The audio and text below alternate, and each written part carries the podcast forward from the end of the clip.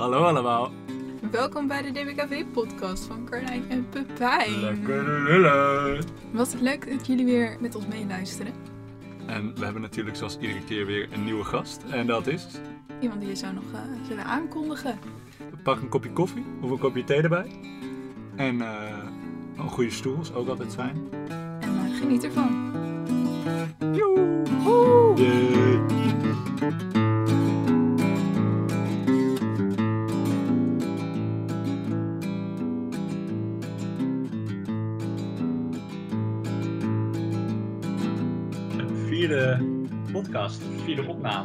Van Wacht, Lekker Lullen. Ik zie geen, ik zie geen opname. dingetje. Oh, die zie ik nu. Oké. Ja, dat is wel bezig. en eh, nog steeds eh, online, helaas, maar hopelijk eh, komt er binnenkort verandering in. Eh, dit keer eh, met mij, Pepijn, eh Carlijn. En we hebben een, hele leuke gast, Liemke Hulshoff. Kan je jezelf misschien eens voorstellen? Ja, hoi eh, allemaal die luisteren. Eh, ik ben eh Lineke Hulshoff. Ik ben 20 jaar. Oh, daar kwam even een motor doorheen. Eh, 20 jaar. Ik ehm, kom uit Lichtenvoorde. Dat is in de Achterhoek, dichtbij Arnhem op zich. En ik woon nu sinds vijf jaar in Amsterdam. En ik heb daarvoor op Artes gezeten. Heb ik docent beeldende kunst gestudeerd. En in 2015 afgestudeerd. En eh, sindsdien eigenlijk werkzaam in de kunst. eh, in de Nederlandse kunstwereld. Dus ik, ik ben sinds een paar jaar hoofdredacteur van Mr. Motley. Maar ik heb ook lesgegeven nog op de docentenopleiding in Arnhem. En ja, daarnaast schrijf ik artikelen, organiseer ik eh, programma's, lezingen. Dus ben veel bezig met hedendaagse kunst vooral. En daarnaast eh, heb ik een tijd op voetbal gezeten, dus dat is een hobby van me. Ehm, en ik ben net verhuisd in een heel leuk huis. Ehm, dus ja, dat is. eh Het is ook nog gewoon sportief aangelegd. Ja. nou, eh, niet. Ja, ben ik dat? Ik hou heel erg van om buiten te zijn, laat ik dat zeggen. En dan eh, in de stad heb je soms dat je dan heel snel niet buiten komt. Dus toen dacht ik, dan ga ik op voetbal. ehm, om weer buiten te komen. Maar ik ben niet per se heel sportief. Maar ik hou Mhm. wel van eh, de buitenlucht. Lekker buiten zijn. We zijn hier flink bezig. Ja, ik hoor het. Leuk, maar leuk. Leuk om te En horen. eh, gefeliciteerd met de verhuizing natuurlijk. Ja, dankjewel. Ja, eh, ja ik, had heel, ik woonde hiervoor nog in een, eh, een woongroep in Amsterdam. Dus dan woon je met eh, wat oudere mensen samen, wat heel leuk was. En eh, deelden we nog eh, woonkamer en keuken. Ehm, alleen daar had ik vier jaar gewoond. En nu in die lockdown, ik, ik vond het toch wel ook wat heftig worden om gedeeld te wonen. Dat deed ik dan meer dan tien jaar. Dus ik ben nu net gaan samenwonen, wat eh, heel fijn is. Iets meer ruimte, iets meer rust. Mhm, Lekker. Ja. Ja, Ja. mooi. En heel veel ruimte om gewoon mee te doen aan deze podcast. Lijkt me. Precies. Precies. Eh, maar deze keer, we hebben natuurlijk ook altijd een, een eh, onderwerp. En deze keer gaan we het wat meer hebben over eh, de visieontwikkeling. Ik ben wel benieuwd hoe, hoe jullie daarnaar kijken. In het breedste begrip. En jullie bedoel je Carlijn en mij? Of... Ja. En Ja. misschien dat ik het ook nog een keer ga vertellen. Oké. Ehm, ja, ik vind visieontwikkeling. Ik, ik ben benieuwd waar je dan hem eigenlijk. Dus ik zou meteen even een vraag willen terugstellen: van waar doel je dan op? Bedoel je visieontwikkeling binnen kunsteducatie of op het leven? Of op mijn eigen leven? Of... Nou, ik weet niet, misschien dat dat wel een beetje, een beetje samengaat als je er zoveel mee bezig bent. Ehm, dat jouw visie op het leven best wel verweven zit in de visie van eh, jouw, ja, jouw visie op de kunst. Het is natuurlijk een grote vraag. Er hoeft niet één antwoord op gegeven te worden. Lekker omheen breien.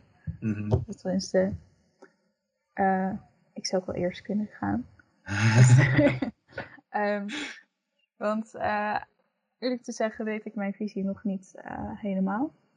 Er wordt heel veel gestimuleerd op de, op de studie om je visie op kunsteducatie te vinden. Daar heb ik soms ook nog wel moeite mee. Eh, nu, heb ik dan even specifiek over kunsteducatie.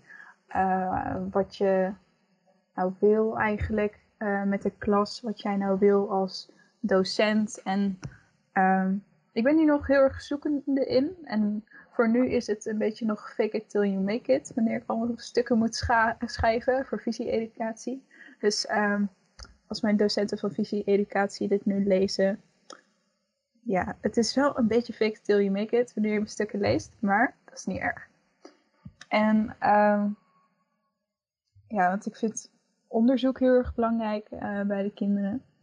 Uh, ik ben niet heel erg geïnteresseerd in het eindresultaat meestal, maar vooral gewoon het proces en hoe je ergens op komt. En ik denk dat het ook wel belangrijk is hoe ik in het leven sta, alhoewel ik ook wel naar doelen toe wil werken. Maar ik vind onderzoek vooral gewoon heel erg leuk. Ik verzamel ook heel veel. Ik verzamel allemaal mini-schilderijtjes bijvoorbeeld. En uh, ik verzamel olifantjes. Ik heb er hier ook één staan. Die kunnen de kijkers niet zien. Maar het is een, een kaars in een olifant. Vet leuk. Uh, maar gewoon het proces verzamelen, van alles doen en uiteindelijk dan komt er iets uit. En uh, het proces en hoe het lichtje dan aangaat waar, waarbij je op een werk komt, um, dat interesseert mij heel erg. En, ja, um, ik, ik heb dat ook wel, ja, dat dat, dat onderzoek altijd gewoon ook heel leuk is om zelf te doen en, en waar je ook mee bezig bent. Maar ik denk dat als het wel grappig, toen ik studeerde was dat idee van visieontwikkeling, die term is volgens mij nooit echt voorbij gekomen. Of misschien beledig ik nu heel veel docenten en ben vergeten, maar ik heb het gevoel dat dat misschien uh, toen wat minder duidelijk iets was wat je moest hebben, maar wat er waarschijnlijk wel indirect natuurlijk bij hoort. Überhaupt, als je op een kunstacademie studeert, of waar je ook studeert, dan ontwikkel je natuurlijk een visie. Um, maar ik denk wel dat het voor mij heel belangrijk is ik, in mijn werk uh, rondom hedendaagse kunst, dat ik vind dat kunst heel erg gaat of moet gaan over de wereld waar je in leeft. En dat die wereld waar je in leeft, dat dat eigenlijk ook altijd het haakje is hoe je kunt instappen op hedendaagse kunst. Dus als ik dan bijvoorbeeld les ook geef op de kunstacademie, dan vind ik het ook belangrijk om het te hebben over, oké, welke wereld leven we nu? Wat zijn gesprekken die aan de hand zijn? Wat zijn thema's die nu spelen? En wat voor kunstwerken, hoe reageert de kunst daarop? Of hoe reageert de wereld van nu op, op kunstwerken? En um, ja, dat vind ik ook bij mijn werk van Mr. Motley heel belangrijk. Dus dat je eigenlijk door middel van kunst de dagelijkse wereld iets beter begrijpt. Um, of juist dat de dagelijkse wereld, uh, dat je op een hele andere manier gaat kijken door die kunstwerken. Dus dat zou je wel een visie kunnen noemen. Maar ik heb zelf weinig ervaring bijvoorbeeld met echt kunsteducatie op middelbare scholen. Dus ik ben daar ook wel een beetje uit. Ik heb niet heel, ja, ik weet niet heel duidelijk als ik nu aan bijvoorbeeld vier HAVO les moet geven, wat dan precies mijn visie is daarop. Dat, dat zou ik mhm. kunnen zeggen. Ik denk ook dat uh, visieontwikkeling uh, ook een beetje een populair woord is bij ons in de studie. Ik denk dat veel docenten het een interessant woord vinden en er graag mee willen werken. Ik hoop nu niet dat ik aangevallen word als ze dit niet hebben. maar ik bedenk me deze ik weet ook niet of het specifiek visieontwikkeling is benoemd in de lessen eigenlijk. Maar wel het ontwikkelen van je visie, maar niet per se. Jongens gaan nu even zitten en denken over je visieontwikkeling. Nee, het zit altijd wel verwoven in een opdracht. Mm Dat je wel, uh, we hadden bijvoorbeeld begin dit jaar hadden we ook een opdracht. Het ging meer over uh, je toekomst en visieontwikkeling en wie ben jij en wat wil jij. Uh, wat ik wel heel erg opvatte als uh, ontwikkelingsvisie en visie. Eigenlijk alles met visie. Mm maar dat was wel verwikkeld in een beeldende opdracht. En soms moet je ook stukken schrijven. Volgens mij moesten we eind vorig jaar ook een stuk schrijven. Maar daar werd wel letterlijk visie benoemd. Dus, maar, maar ik, vind het, ik vind het wel iets goeds op zich. Want ik denk als je daar niet zo bij stilstaat, ja, dan sta je dus niet zo bij stil. Dus dan blijf je deze maar doorgaan eigenlijk met doorwerken. En, en ik denk als je er zo'n stuk over moet schrijven, misschien wel letterlijk, dat het best wel fijn kan zijn. Dat het best wel een blik kan openen eigenlijk. Ja, en ik denk toch ook dat het kan helpen bij uh, positie innemen. Dus of je nou kunstenaar eh, bent of docent bent, of zoals ik meer soort, hoe noemen ze dat, bemiddelaar, dus degene die tussen de kunst, eh, kunstenaar en, de, en het publiek instaat, dat je gewoon wel positie inneemt. En dat kun je natuurlijk alleen doen als je een visie hebt op de wereld. En eh, in mijn geval dan welke rol kunst daarin heeft. En Mhm. ik dus dat. ehm, ja, ik zat er net toevallig nog op de fiets aan te denken dat, dat ik dacht van. eh, wat zo fijn is aan kunst, kunst die nu wordt gemaakt, die wordt heel vaak gemaakt zonder dat daar een vraag naar is. Dus het is nooit, eh, laten we een voorbeeld van een kunstwerk noemen. Nou, bijvoorbeeld, ehm, eh, hoe noem je dat? Dat feest Aardvarken, dat feestvarken in Arnhem naast de Biep. Mhm. Eh, natuurlijk is nooit aan Hofman, aan die kunstenaar gevraagd van ontwerp nu een aardvarken van zoveel zo mega hoog, weet je wel. Zij hebben gewoon, natuurlijk heeft hij wel een opdracht gekregen, maar niemand heeft een hele directe vraag. En, en hij maakt gewoon iets waar geen vraag naar is en maakt opeens een soort fantastisch ding wat die hele stad, allemaal kinderen op spelen en wat super raar is in die omgeving, maar iedereen accepteert het of zo. Veel mensen accepteren het. En, en dat vind ik zo cool aan kunst, dat het volgens mij een van de weinige dingen is in onze wereld waar eh, niet van tevoren heel specifiek een vraag aan wordt gesteld. En ja, je wordt natuurlijk doodgegooid in deze wereld met voldoen aan vragen. Je moet alles uitdrukken in antwoorden, in, in visies, in eh, cijfers, in resultaten. Super resultaatgerichte wereld. En kunst hoeft juist geen resultaat te hebben. En dat lijkt me eigenlijk de reden waarom het zo relevant is. Ja, Eh, en onze wereld bedoel ik dan westerse wereld. Maar ja. ja, Ja, dat, mooi. vind ik ook wel zo. Dat vind ik ook wel zo fijn. Ik heb hiervoor eh opleiding eh media vormgeving gedaan. En dan ben je juist heel erg gericht op resultaten. En, en, en dat is wat het toe doet, zeg maar. En eh, ook een beetje manipulatief worden in eigenlijk. Om mensen ook bijvoorbeeld over te kunnen halen om bepaalde dingen te doen. En maar dat zette mij juist heel erg vast eigenlijk. Je, bent zo erg, je wordt zo in een bepaalde visie gedrukt eigenlijk. Wat ik super irritant vind. Dus ik vind het echt super fijn om nu eigenlijk gewoon te kunnen doen wat je wilt. In, als je een vraag krijgt. Mhm. Ja. Beïnvloedt dat ook jouw visie, denk je? Tenminste, hoe, de, hoe jouw eerdere studie is verlopen? Eh, bedoel je mij, Carlijn? Oh, sorry. Oh, je vroeg ik het even. Maar mijn, ja, ja. Mijn vorige studie. eh, ja, of dat mijn visie van nu heeft veranderd. Ja, Of heeft beïnvloed.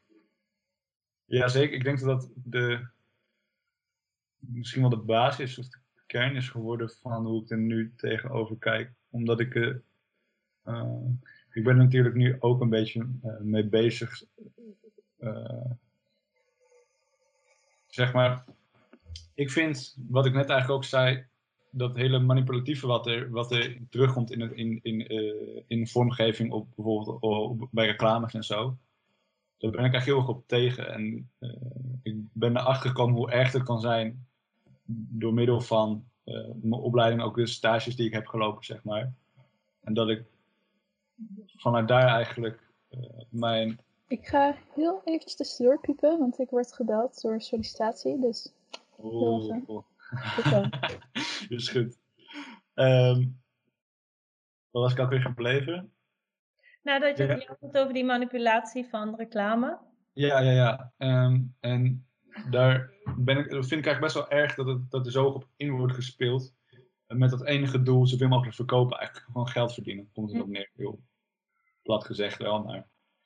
eh, en daar ben ik eigenlijk best wel op tegen. En ik vind het fijn om nu een, iets te hebben gevonden waar je daar dus niet zoveel mee bezig hoeft te zijn.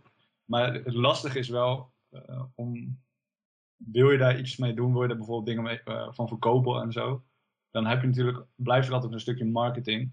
En het is een beetje, een beetje tricky om een beetje daar, daar dan tussenin te zwemmen, want het is natuurlijk gewoon wel hoe ieder bedrijf zich uit eigenlijk. Gewoon met wat eigenlijk heel logisch is vanuit een bedrijf gezien, want je wil zoveel mogelijk geld verdienen.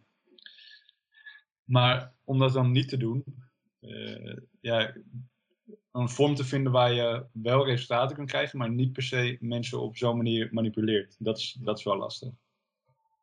Ja, ja, en dan bedoel je dus hoe je dat kan doen als kunstenaar of als docent straks? Of, Ja, ik dan voornamelijk als kunstenaar. ja, Eh, Als docent heb je daar niet zo heel veel mee te maken, inderdaad. Tenminste, ja, heb je ook over manipulatie. Want je manipuleert in principe. eh, je leerlingen kan je manipuleren om bepaalde dingen te doen. Als je bijvoorbeeld op een bepaalde manier reageert ergens op, dan kan je door er op die manier te reageren, door er op die manier op te reageren, ervoor zorgen dat ze bijvoorbeeld stil blijven zitten of juist niet. Mhm. In die zin is het voor dat vak wel best wel handig. Ja, kijk, ja, het wel interessant om manipulatie aan te halen, ook met betrekking tot beeldende kunst, omdat ehm eh, Heske ten Kate heeft daar ooit iets moois over geschreven. Zij heeft ook eh, ooit DBKV gestudeerd, maar ehm, zij schreef dat gezien manipulatie en beeldcultuur in deze tijd met fake news is het heel, steeds onduidelijker eigenlijk op het internet natuurlijk wat waar is niet. eh, eh, wat is fake en waar, wat is waarachtig. En dat in beeldende kunst wordt helemaal niet gepretendeerd dat het waarachtig is of de waarheid is. Dat, je weet al dat het een vertaling is van de werkelijkheid. Ja. En daarmee is het eigenlijk heel eerlijk. Eh, Ja, de titel weer verwerken. Ja, dat, Ja. Vind ik, nou, dat vind ik ook heel leuk inderdaad. En dan kan je ervan uitgaan als je bijvoorbeeld naar een museum gaat, dat niet alles eh, is zoals ze het laten zien, zeg maar. Maar als je inderdaad, als je op social media gaat kijken naar reclame, dan ga je ervan uit dat het bijvoorbeeld zo is, terwijl het helemaal niet zo hoeft te zijn. Nee, ik bedoel, eh, kunstenaars zullen nooit eh, ontkennen dat ze aan het, misschien wel aan het liegen zijn. Of misschien wel dingen aan het verdraaien zijn, de werkelijkheid. Of, of je op het verkeerde been te zetten. Maar dat is gewoon in een, dat is wel op een hele waarachtige manier. Mhm. Ja, dus ik vind het, ik vind het ook eh, in die zin manipulatie en de psychologie erachter wel heel interessant. En het is leuk om het nu op een speelse manier te kunnen doen eigenlijk. Mhm. En eigenlijk heb ik ook nog wel een vraag aan jullie als het gaat om visieontwikkeling. Want Carlijn, jij zit nu in de tweede, zei je. En Pepijn, jij bent natuurlijk nu ook al wel meer dan een half jaar eh, bezig op de studie. Eh, betreft visieontwikkeling, wat zou je eigenlijk nu een eerstejaars die in september start, de eerste schooldag, mee willen geven of zo? Van wat is belangrijk eh, op die studie betreft visieontwikkeling? Carlijn, wat zou jij zeggen? Ik weet niet wat ik meteen zou meegeven. Ehm, vooral omdat het eerste jaar best wel eh, goed is ingebouwd qua visieontwikkeling, vind ik zelf. Eh, want je loopt ook meteen in het eerste jaar eh, stage op een middelbare school. eh, waardoor je ook wel achterkomt of de studie iets voor jou is. Je wordt eigenlijk meteen voor de klas gegooid. En ehm, als jouw visie op kunsteducatie, als je toch denkt van, oh, dit is echt helemaal niks voor mij, dan kom je er best wel snel achter. Wat ik al best goed vind aan deze opleiding. Waardoor degenen die het wel tof vinden en leuk vinden, dat die echt blijven. En hun visie daarop ontwikkelen. Maar ik weet nog niet wat ik precies Maar hoe zou, ontwikkel zou je meegeven. je visie? Hoe ontwikkel je dat? Hoe werkt dat? Ik denk Ehm. eh, Oh, dat ik zou zeggen dat je, dat je eigenlijk gewoon moet openstaan voor alles, alles wat wordt Ja. gezegd eigenlijk. En het is ook gewoon... ja, het is ook gewoon Uiteindelijk heel kom je er- veel... Oh, verbinding. Oké, sorry. Eh, ja, ik denk ook gewoon door heel veel musea's te bezoeken en heel veel dingen te zien en goed te luisteren naar wat de docenten te vertellen hebben en overal wat op te pikken. En is wanneer je fysiek, in de, eh, fysiek les hebt, dan zie je ook van alles in de gangen hangen met posters van evenementen. En ik, ja, daar leer je gewoon heel veel van. En daar pik je heel veel van op. En ja, dat is echt waardoor je ontwikkelt en anders gaat kijken om je heen. En Maar Ja. ja, een idee heeft natuurlijk zijn eigen manier. Want ik kan niet zeggen per se dat ik heel veel, dat ik superveel musea's heb bezocht of zo. Maar toch heb ik wel eh, mijn, ja, wel een visie erop natuurlijk. Want iedereen heeft een visie op, dus dat is niet heel gek. Maar eh, ik ben juist iemand die er ook heel veel over nadenkt, zeg maar. En op die manier eh, achter dingen komt. Ja. Dus ja, in die zin heeft ieder zijn eigen eh, eigen manier van visieontwikkeling. En daarom denk ik, ga gewoon overal voor openstaan. En Ja, dan kom je er vanzelf achter eh, eh, wat werkt en wat niet, zeg maar. ja, want betekent het ook niet dat, denk ik wel eens met ook terugwerkende kracht op die studie, dat een goede of een houding waar je veel aan hebt, is dat je jezelf misschien juist een beetje wegcijfert hier en daar. Dus dat het niet de hele tijd om je eigen belevingswereld gaat alleen maar, maar juist ook om de wereld daarbuiten of zo. Dat je daar meer aandacht voor krijgt. Eh, ik denk misschien, ik weet niet of je misschien echt jezelf loslaten bedoel je? Ja, dat je bijvoorbeeld, eh, volgens mij is het best wel gebruikelijk dat als je net begint aan de studie, dat je heel erg denkt dat je zelf heel bijzonder bent. Wat natuurlijk ieder mens is in zekere zin bijzonder, maar ieder mens is ook in zekere zin totaal niet bijzonder. Mhm. Eh, en dat je bijvoorbeeld, weet je hoe jij je voelt over dingen of hoe jij, eh, wat jij hebt meegemaakt en wat jouw ervaring is, dat dat eigenlijk allemaal nog helemaal niet zo heel erg interessant of relevant is, maar dat het juist best wel interessant is om eens te kijken buiten dat eigen blikveld. Maar ehm, ja, ik weet niet, volgens mij zou dat misschien ook wel een soort advies van mij zijn of zo aan studenten. Dat je, ehm, ja, dat, maar misschien is het geen goed advies hoor. Maar, maar snap je wat ik bedoel? Ja, ja.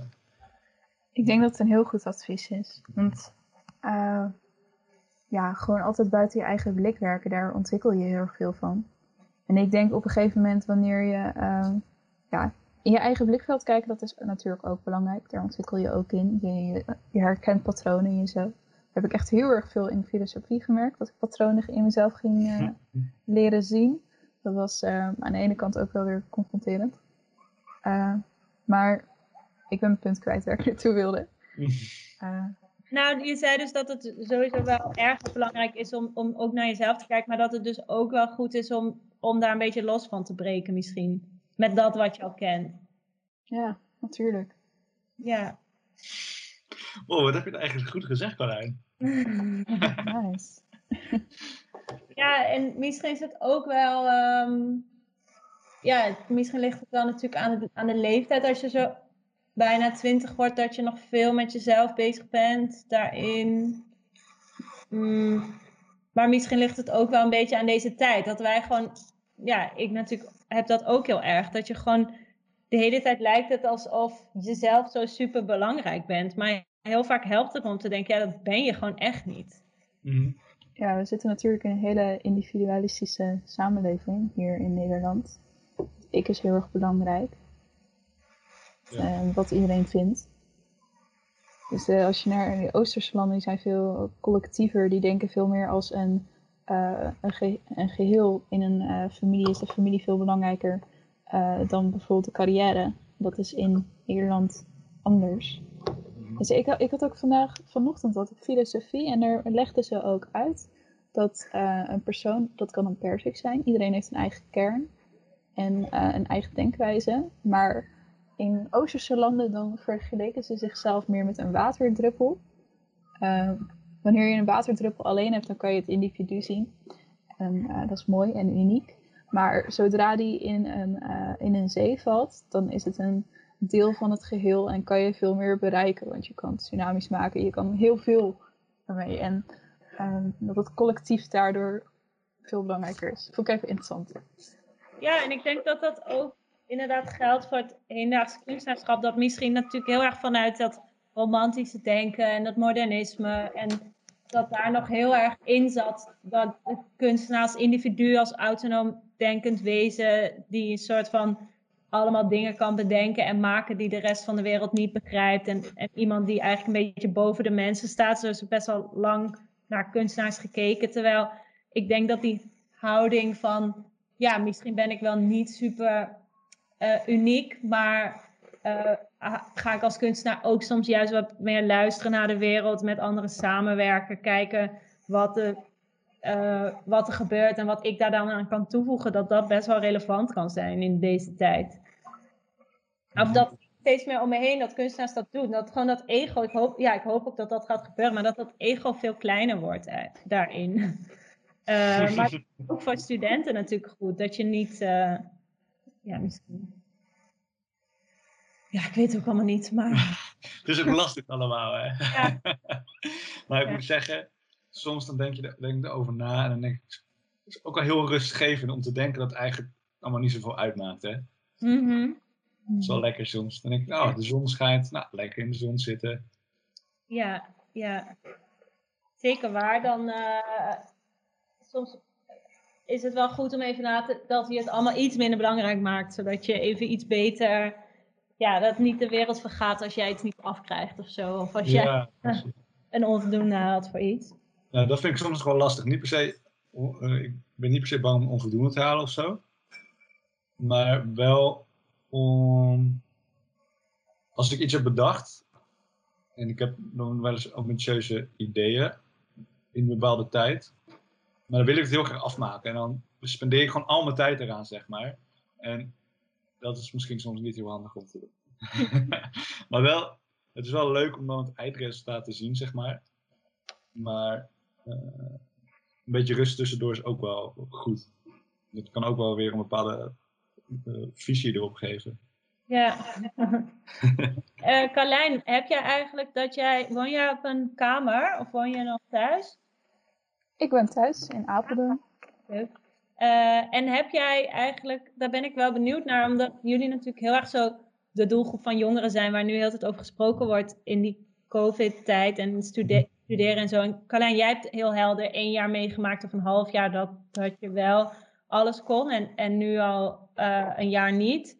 Merk je nou ook veel verschil op die kunstacademie en hoe je die studie ervaart? Is daar... ja, nou, we begonnen dus fysiek. En daar ben ik heel blij mee, want eh, ik heb mijn klas heel goed leren kennen. En ehm, daardoor, doordat we online gingen, eh, het was moeilijk omdat er geen werkplaatsen meer waren en we hadden geen fysiek contact meer. Maar ik had wel contact met mijn klas als in eh, de videobellen en we, hebben nog, we kunnen goed met elkaar praten omdat we elkaar allemaal heel goed kennen. Ehm, maar het is, ja, het is nu natuurlijk veel moeilijker. En we hebben af en toe, dus we hebben nu alleen op vrijdags op school les, omdat het niet anders kan. Zo heb ik bijvoorbeeld deze vrijdag eh, voor de laatste keer etsworkshop, leer ik etsen. Net zoals Rembrandt, eh, met eh, chemicaliën en in ijzer, met zo'n metalen, ik ben even het woord kwijt, zo'n metalen pennetje. Hm. En ehm, dan zie je, dan zie je, ja, dan zie je je mede- medestudenten nog wel en dan is het weer even, yay, superleuk. Maar ja, het contact is toch wel anders. Ehm, ja, er, er zit toch wel een soort van afstand eh, tussen de studenten, maar ik ga ervan uit dat bij, dat bij de nu eerstejaars veel groter is, die afstand. Tussen, Ja. tussen, tussen de studenten bedoel je? Ja, dat je Ja, elkaar in- minder in mijn goed eigen, kent. In mijn eigen klas merk ik het niet per se, omdat we best wel veel fysiek ook hebben. Eh, met de, ja, het zijn twee, DBK, eh, twee klassen, zeg maar, voor DBKV. En daar hadden we in het begin vooral, de, wist ik gewoon echt niet wie er bij in de andere klas zat, zeg maar. En nu eh, hebben we het interdisciplinaire project, waar je ook met eh docent dans en eh, docent theater werkt. En daar zie je, zie je elkaar toch al meer. Dus dat is op zich wel leuk, want we kunnen gewoon iedere dag, of na halve dag zeg maar, zijn we fysiek. Dus dan zie je ook van de andere, andere opleidingen zie je nog wel meer. Dus dat is wel leuk. Ik ben wel benieuwd hoe dat je, of dat visie aantast of verandert, zeg maar. Ja, ik ook. Want je zei op het pijn van ik heb dit niet veel kunst gezien, maar toen dacht ik meteen ja, eh, logisch, want die musea zijn natuurlijk de hele tijd dicht sinds jij studeert ongeveer. Even Ja. open, maar ehm, ja, ik ben ook benieuwd hoe dat je visie aantast en ook hoe het eigenlijk jullie de, de rest van je studie aantast. Of dat het, misschien valt het wel heel erg mee. En, eh, maar omdat je best wel, vanmorgen hoorde ik ook nog, eh, je hebt zo de NRC Vandaag, zo'n podcast, waar iedere dag dan doen ze één ehm, nieuwsitem uitleggen. En dit ging over dus hoe jongeren gingen stemmen. Maar het ging ook wel over, ja, er- waren gewoon een aantal jongeren in gesprek in die podcast over de huidige tijd. En je merkt gewoon steeds meer natuurlijk dat zij het volgens mij allemaal heel moeilijk hebben. En dat wordt ook de hele tijd gezegd. Dus toen ik nu jullie hier zo zie, dacht ik van, ik ben er eigenlijk wel benieuwd naar van, is het heel zwaar op dit moment eh, om te studeren en om zo'n visie te ontwikkelen? Of is het eigenlijk prima te doen nog? Ja, ik ben niet anders gewend natuurlijk. dus nu met de werkplaats moet je maar afspraken maken en zo. En ja, omdat je daar inrolt terwijl het zo is eigenlijk, ken je niet anders. Maar soms denk ik wel na van, wow, hoe chill zou het zijn als ik gewoon nu, kan gewoon nu, letterlijk nu, zou ik gewoon naar school kunnen gaan met een plankje hout en ga ik even een kastje in elkaar zetten. Dat zou heel chill zijn. Mhm. Maar ja, voor nu ken je niet echt anders. En voor jou, Carlijn? Eh, ja. ja, het is natuurlijk heel anders online. En ik mis ook gewoon het met de bus naar school toe gaan en iedereen zien. Ja, gewoon, ik mis ook de bus. Het is heel raar. Gewoon Uh, ga je dan ook, lekker je gaat gewoon bewust niet op kamers dan, eh, dat je gewoon met de bus kan reizen? Ik kan lekker met de bus reizen. en ehm, ja, het is eh, wat ik wel spannend zou vinden als ik weer terug ben om de werkplaatsen weer helemaal vol te gebruiken. Want ik eh, met die ijzermachines, met die houtmachines meteen weer werken, dat lijkt me heel spannend. Als ik dat echt al een jaar niet heb gedaan. Ehm, maar zulke soort dingen, dingen die je echt fysiek leert, zeg maar de dingen die minder belangrijk zijn eh, in de ogen van eh, docenten, eh, die, die hoef je niet te doen eigenlijk nu. Eh, terwijl normaal gesproken dan word je gewoon, eh, zit je in het klaslokaal en is oké, we gaan nu naar de werkplaatsen en eh, ga je gang.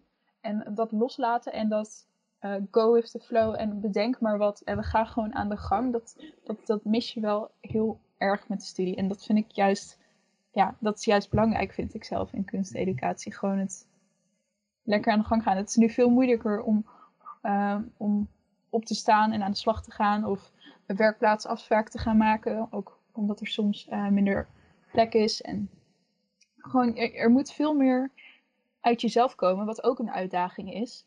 Ehm, wat, eh, waar je ook wel weer van leert. Maar ehm, eh, ja, dat. Ja, want denk je, dat vind ik nog wel een spannende vraag, waar ik zelf ook over nadenk van, als je het hebt over visieontwikkeling, ontwikkel je ook een visie juist om eh negen uur s'avonds in eh Café Vrijdag met je klasgenoten, bijvoorbeeld, met eh, bier. Kun je een visie ontwikkelen met bier? Kun je een visie ontwikkelen als je snapt Dat is een goeie, dat is een goeie. wat, wat missen jullie nu als je dat dus nu allemaal niet kan doen? Van, van, of, of staat het echt los daarvan? Nou, dan komen toch de leukste Zullen we ideeën, het toch? uittesten anders? Oh. Wat zei je, Pepijn? Ik zeg, zullen we het uittesten anders? Ja, helaas kan niet, hè? Oh. Eh, maar ehm, ja, dat, dat, dat lijkt mij het alleringewikkeldst. Buiten of je nou naar die... tuurlijk is het ook moeilijk dat je niet altijd fysiek les hebt en dat er regels zijn. Maar het lijkt me gewoon ook, als ik terugdenk aan toen ik studeerde, dat ik het ook heel fijn vond dat je gewoon na de academie zei: Oké, kom, we gaan nu bij mij eten. En dan ging je met zes mensen samen eten en eh, kocht je goedkoop bier. En zat je s'avonds nog helemaal door te praten over docenten die kut waren, maar ook over eh, dingen die juist heel boeiend waren en, en, eh, en kunstwerken of wat dan ook, weet je wel. Daar, daar, daar heb ik ook heel veel van geleerd. En het lijkt me best moeilijk dat je dat nu als, als jongere moet missen. Mhm. Ja, dat is ook zeer belangrijk. Ze zeggen ook dat de beste ideeën komen wanneer je het niet plant. Dus Mhm. ik, ik sluit wel heel erg aan bij dit alles. En eh, oh, ik moet eventjes iets heel treurigs vertellen. Ons favoriete cafeetje, Stella's in Arnhem. Oh ja, is- Waar wij met school zaten, die is gesloten. Ja, ja, dat eh, hoorde ik ook, ja. Ja, echt jammer. Dus, En eh, ik ja. ja. weg volgens mij, of niet? Misschien klopt het niet wat ik zeg. sorry? De move, dat, eh, misschien ging daar echt nooit iemand mee heen en is het een soort bejaarde opmerking. Maar eh, daar ging ik altijd heen en dat eh, was volgens mij, is volgens mij ook weg. Dacht ik. Maar eh, Oh, vrijdag Martijn, is het nog wel hoor. je hebt af en toe nog wel contact met je, met je medestudenten. Gaan jullie dan ook nog af en toe een beetje bier drinken of is het alleen school? ik. Bij mij bedoel je of Pepijn? Eh Pepijn. Eh, hoe, hoe- sorry, wat zei je? Oh, ik weet niet of ik vastliep. Jij liep heel precies vast. Ehm, nou, jij hebt nu af en toe eh, fysiek les. Tenminste, ik heb jullie wel eens op school gezien met de klas. Heel weinig. Maar uh, spreken jullie na school ook nog af? Nou, dat in, nou, we hebben niet per se heel, we hebben, ja, de na de kerst hebben we wat andere projecten gehad, maar daarvoor hadden we gewoon eigenlijk bijna iedere dag wel uh, fysiek. Ja, dan was het om de week zeg maar, een soort van. Maar eigenlijk officieel hadden we om de week dan fysiek les, maar stiekem ging de helft van de lessen nog steeds fysiek door. Uh, maar nee, dat, dat is wel heel veel minder inderdaad. Dat is wel jammer. Dus af en toe spreek ik dan met één klasgenoot af om wat te doen, maar ja, met heel veel meer kan je niet echt, zeg maar. En wat heel veel van mij, van mij niet heel ja, best een aantal van mijn klasgenoten die wonen nog niet op kamers of zo. Dus helemaal nu met de avondklok, dan is het eigenlijk niet echt te doen om dan daarna nog af te spreken. Nee. Maar ik heb gelukkig wel hele gezellige huisgenoten. Dus dat is En Lineke, Ja, merk jij dat jou... Oh, jammer doordat die stufie niet, niet meer is, dat zo minder, veel minder mensen op kamers gaan. Dat is toch wel jammer, ja. Uh, maar Carlijn, wat wilde je zeggen? Nou, of jij merkt dat jouw uh, visie of iets uh, anders heel erg verandert, omdat jij nu meer thuis bent of minder mensen fysiek ziet. ja, dat verandert wel. Eerlijk, volgens mij meer dat ik soms even mijn visie totaal kwijt ben. Dan snap ik gewoon echt helemaal niet meer wat ik aan het doen ben. Want dan ben ik gewoon al heel lang, heel tijd digitaal aan het werken. En dan, dan ben je gewoon, s ochtends start je je laptop op en dan gaat hij om zes uur uit. En um, uh, ja, dan doe ik hem uit en denk echt van, wat heb ik eigenlijk vandaag gedaan? Of zo, van, of na zo'n week. Dan is gewoon alles, omdat Mr. Motley natuurlijk een digitaal magazine is, speelt dat ook allemaal digitaal af. En dan krijg je een hele rare verhouding in deze tijd soms tot de gewoon letterlijk fysieke ruimte. Kijk, mijn werk bij Motley was eigenlijk normaal. Uh, we hebben ook een podcast, Kunst is Lang. Nou, dan ging ik altijd maandagavond heen. Uh, was ik daarbij, doe je de redactie, zie de kunstenaar. Uh, en ik was natuurlijk ook heel veel digitaal bezig. En onze content is digitaal. Maar dan organiseerden we weer een leesgroep dan. Of dan interviewde ik een kunstenaar, moest ik op atelier Of ging je naar een tentoonstelling of zo. Je was heel erg op verschillende plekken. En nu ben ik maar op één plek, namelijk mijn scherm. Mm. Uh, dan begrijp ik soms. En het is ook nog eens zo dat gewoon de hele kunstwereld natuurlijk stil ligt nu. Of de hele kunstwereld, maar een groot deel. Dus dat alle musea dicht zijn. En heel veel kunstenaars krijgen alleen maar heel tijd afwijzingen of, of cancel dingen rondom hun tentoonstellingen. En dan bij Motley gaat het gewoon vol energie door. En ik snap wel dat we dat moeten doen. Maar soms voelt het dan gewoon echt van, huh? Waar doe ik het eigenlijk voor? Voor wie doe ik het? Wat ben ik aan het doen?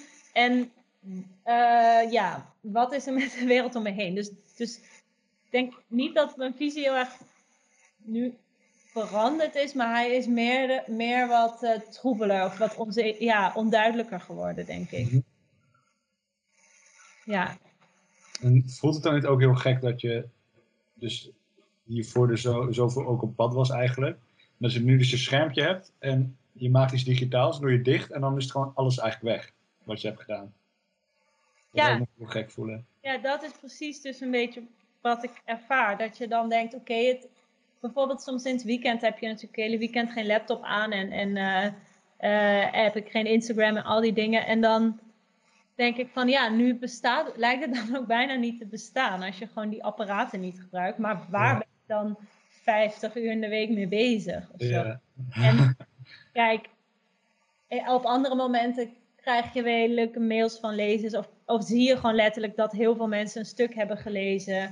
Of hoor je juist van mensen, ja, dit is super fijn dat, er, dat jullie wel doorgaan, want er is al zo weinig. Dus dat, dan heb je weer dat je denkt, oh ja, ik snap weer een beetje waar, waar ik mee bezig ben. Maar ik vind het wel, eh, ja, en, en ik denk natuurlijk ook niet dat een mens per se gemaakt is om acht uur per dag achter een laptop te zitten. Dus ehm, ja, dat is soms wel een beetje moeilijk. Ja, dat, dat nou ja, moeilijk. Maar dat vind ik soms wel echt minder leuk. Ehm, ik las laatst ook ergens dat dat ook eigenlijk is wat er nu gebeurt. Hè? Dat gewoon zoveel verschillende beroepen gereduceerd worden tot een laptop. Dus Mhm. vroeger natuurlijk totaal uiteenlopende beroepen. En al die beroepen hadden ook een eigen manier van je lichaam gebruiken. En nu gebruikt iedereen zijn lichaam gewoon op dezelfde manier. Alleen is dus dan de inhoud op dat scherm anders.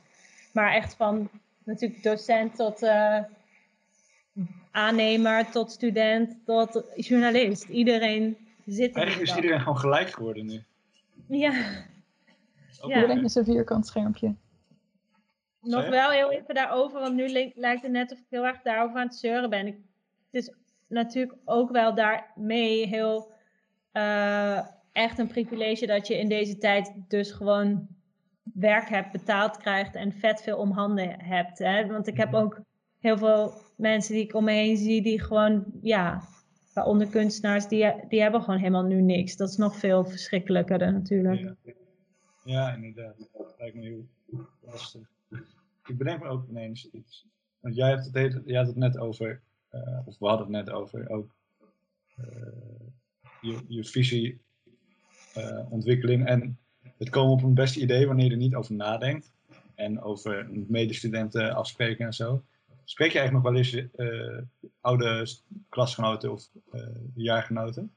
Eh, ja, zeker. Ja, ik, ehm, dit weekend toevallig komen Henk en Esmee heet zij. Dat is heel grappig. Die kregen na de studie een relatie, maar tijdens de studie zaten die gewoon bij elkaar vier jaar lang in de klas. Eh, en Henk is nu docent fotografie op een middelbare school en Esmee is kunstenaar. Ehm, dus hen spreek ik nog. Ehm, Yvonne Mak is weer iemand anders uit mijn klas en zij werkt nu voor een reclamebureau als designer. Eh, en die zag ik vorige week nog.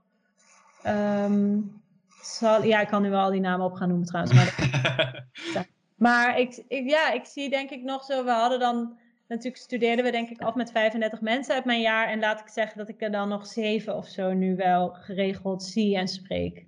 Ja, Eh, best veel. Ja, ja, ja. Eh, we hebben, dat was wel echt heel leuk. Maar wij waren toen ook heel hecht geworden in dat vierde jaar. Dus dat je zo hadden we allemaal een atelier in dezelfde gebouw. En, en toen werden we echt eh, vrienden. Mhm. Ehm, en daarnaast heb ik ook nog wel veel contact met mensen van andere richtingen van Artes. Alleen, ik moet wel zeggen dat al deze contacten ook door corona nu een beetje op on hold staan. Maar dat heeft volgens mij iedereen dat... Ja, echt je vrienden zie je wel, maar een beetje zo die kennissen die leuk zijn om tegen te komen bij een opening bijvoorbeeld, dat had ik best wel vaak. Eh, die zie ik nu allemaal niet. Eh, maar ik had ja, nog wel veel contact altijd met mensen van Artes, ja. Leuk. Ja, ja. Maar het is ook wel bijzonder hè, als je daar studeert. Want je bent gewoon de hele tijd met mensen die allemaal rare ideeën hebben. En ja, ja. over de wereld. En dan ben je daarna klaar. En dan heb je ook heel veel mensen ontmoet je die, daar, die op heel, met zulke andere dingen bezig zijn. En dan denk je van, oh, het was eigenlijk best wel bijzonder dat ik gewoon vier jaar lang met al deze mensen samen mocht zijn of zo. Dus ik vond het ook wel heel waardevol om dat contact natuurlijk te onderhouden. Mhm. Ja, Superleuk, ja. En ja, ook allemaal mensen met een andere visie natuurlijk. klopt. Ja. Je dat die visie, visie is veranderd? Of misschien dat hun het wel merken bij jou, dat jouw visie is veranderd of zo? Mm, ja, ik denk dus wel bij, naar mezelf kijkend dat ik ook echt bijvoorbeeld in het vierde jaar, toen wij daar met al die medestudenten zaten in die gang en bezig waren met de eindexamen expo en met je eigen werk en met de catalogus aan het maken en zo. Toen dacht ik echt dat dat zo belangrijk was. Dat, dat, dat, daar de wereld gewoon om draaide, weet je. Daar was je alleen maar mee bezig. En vond je allemaal, de hele tijd hadden we het daar weer over. En en nu denk je natuurlijk achteraf van, nou nou, zo eh, belangrijk ben je echt niet hoor. Doe maar even rustig of zo. Dat is dat. Ja, ja, ja, ja. Heb ik wel. Eh, Maar ik denk wel dat ik al in mijn studie wel best wel bezig was met, de, met eh, kunst aan de wereld koppelen of zo. Dus dat is er wel een beetje ingebleven. Ehm, en mijn medestudenten, ja, iedereen heeft natuurlijk andere visies daarop. Ik, eh, Henk is bijvoorbeeld, ja, die zouden jullie echt moeten uitnodigen trouwens. Dat is echt leuk. Eh, ook. Eh, want hij heeft eh, een veel conceptuelere benadering van kunst en ook van kunsteducatie. En, en is veel zorgvuldiger in hoe hij nadenkt over wat kunst kan zijn. Ehm, de hele, wel, ik ben, ja, dat is een hele andere visie dan ik. Maar daar, dat is natuurlijk ook de reden waarom je dan graag nog met elkaar omgaat. Omdat je zo anders kan denken over dingen. En Esmee, die ik dan net noemde, die, die is weer veel meer ook op een soort zintuigelijke ervaring bezig met kunst. Dus hoe, hoe eh, misschien ergens minder met van wat zegt het altijd over de actualiteit, maar veel meer van hoe ervaar je kunst en wat kan dat doen voor je publiek. En Mhm. eh, ja, dat, dat is leuk om dat mee te maken. Ja. Ik Zou denk ook wel dat, ik denk ook dat het een eh, interessant idee is voor een volgende podcast. Om de gewoon de vraag te stellen, wat kan kunst zijn? En daar een eh Ah, misschien wel, over te ja. hebben. Schrijf hem Mhm. op. Even lekker processen doorheen gooien. Maar misschien is dat dan wel de gouden tip eigenlijk ook. Want inderdaad, wat je zegt, eigenlijk is het ook heel saai om met, met alleen maar mensen te praten met dezelfde visie. Daar heb je eigenlijk helemaal niks aan. Het is veel Mhm. leuker om met mensen te praten en te sparren die er net wat anders over denken. Of En- andere aspecten ervan pakt.